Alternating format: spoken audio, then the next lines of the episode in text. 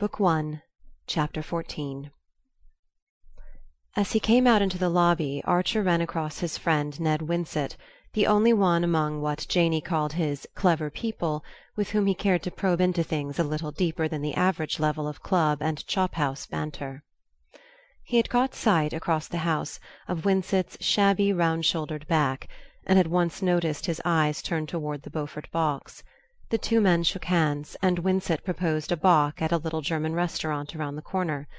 Archer, who was not in the mood for the kind of talk they were likely to get there, declined on the plea that he had work to do at home; and Winsett said: "Oh, well, so have I, for that matter; and I'll be the industrious apprentice too."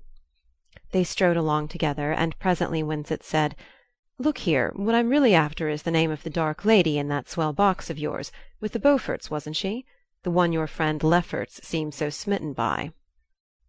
Archer, he could not have said why, was slightly annoyed.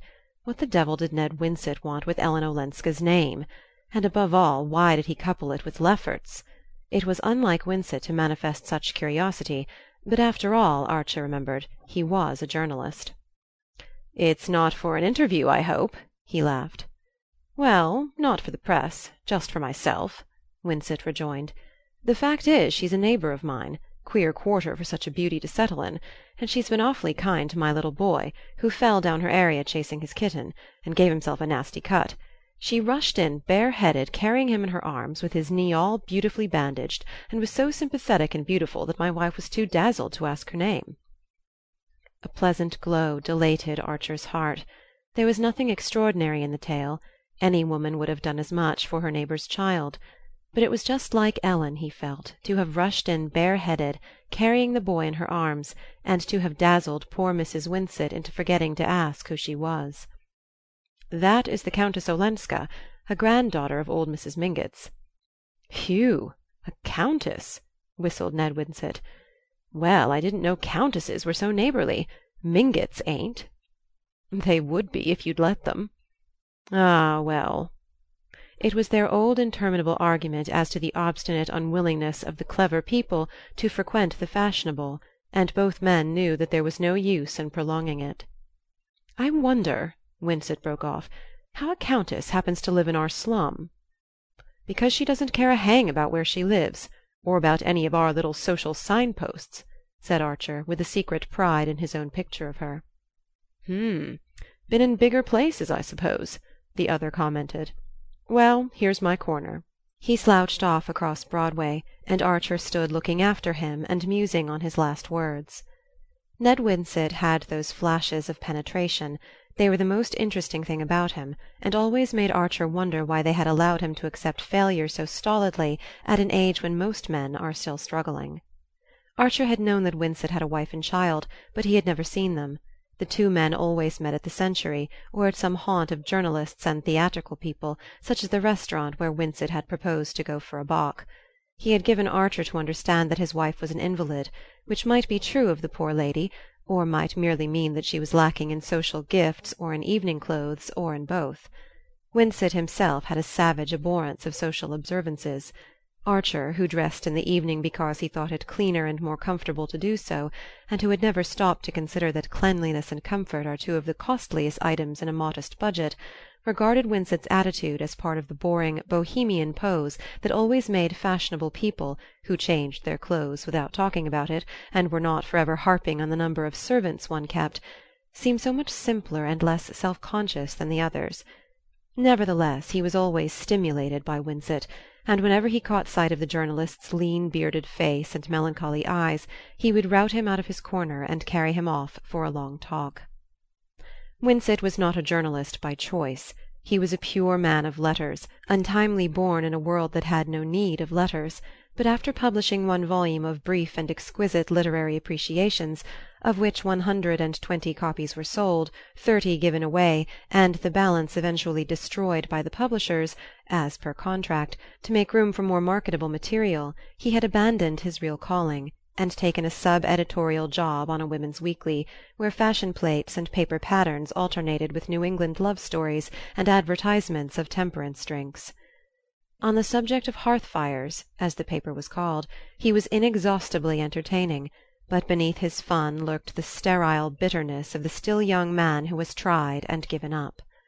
His conversation always made Archer take the measure of his own life and feel how little it contained; but Winsett's, after all, contained still less, and though their common fund of intellectual interests and curiosities made their talks exhilarating, their exchange of views usually remained within the limits of a pensive dilettantism.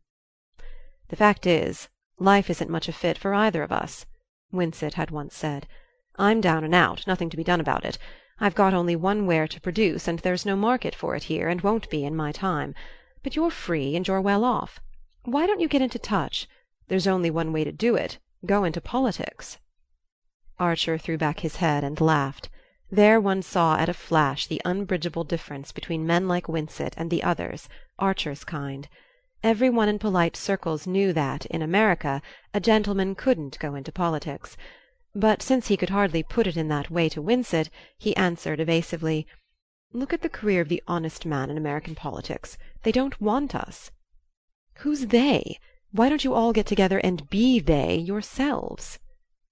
Archer's laugh lingered on his lips in a slightly condescending smile. It was useless to prolong the discussion; everybody knew the melancholy fate of the few gentlemen who had risked their clean linen in municipal or state politics in New York.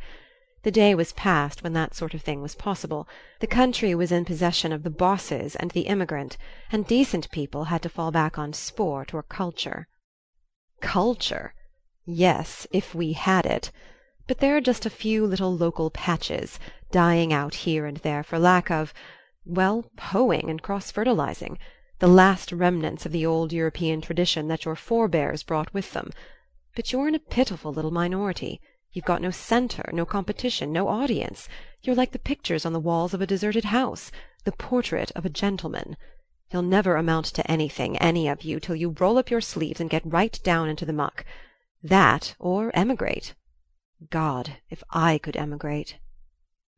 Archer mentally shrugged his shoulders and turned the conversation back to books, where Winsett, if uncertain, was always interesting. Emigrate! As if a gentleman could abandon his own country! One could no more do that than one could roll up one's sleeves to go down in the muck.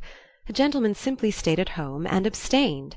But you couldn't make a man like Winsett see that, and that was why the New York of literary clubs and exotic restaurants, though a first shake made it seem more of a kaleidoscope turned out in the end to be a smaller box, with a more monotonous pattern, than the assembled atoms of Fifth Avenue.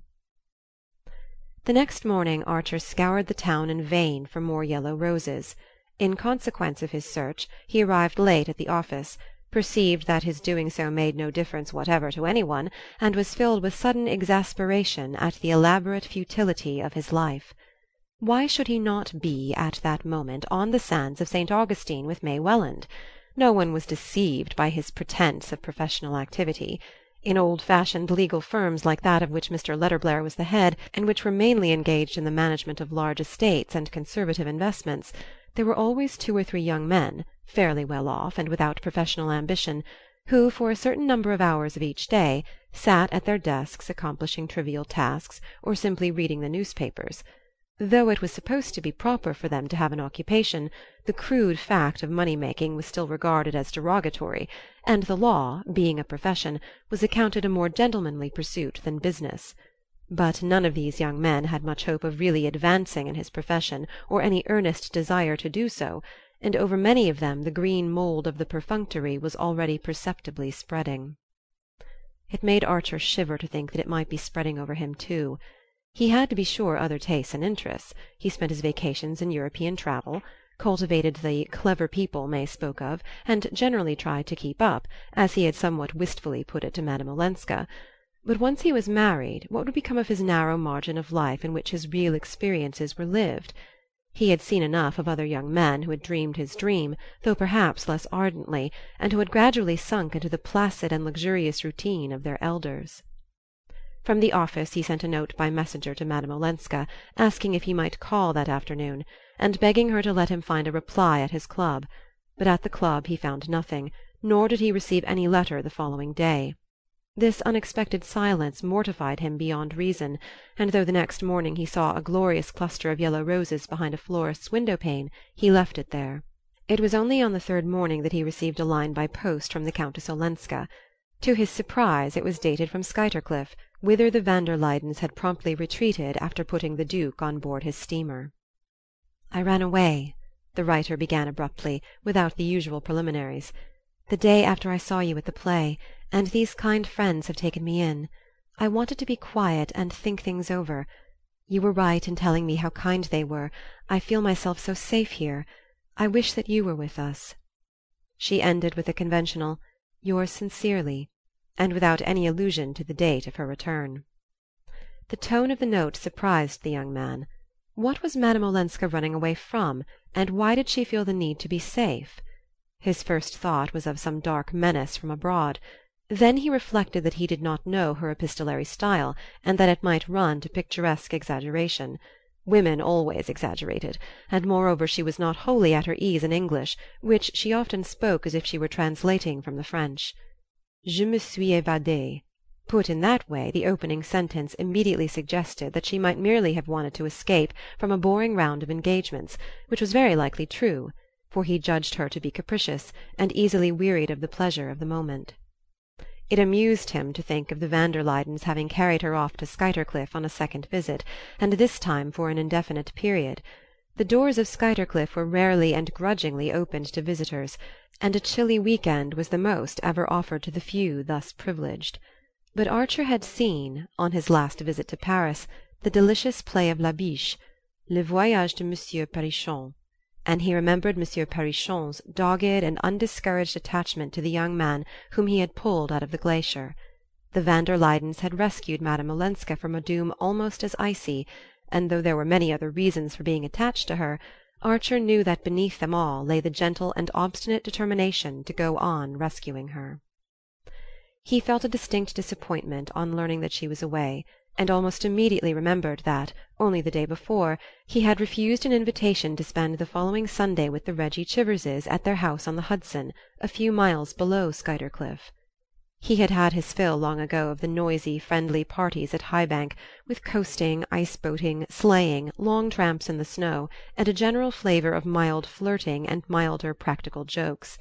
He had just received a box of new books from his London bookseller, and had preferred the prospect of a quiet Sunday at home with his spoils; but he now went into the club writing room, wrote a hurried telegram, and told the servant to send it immediately.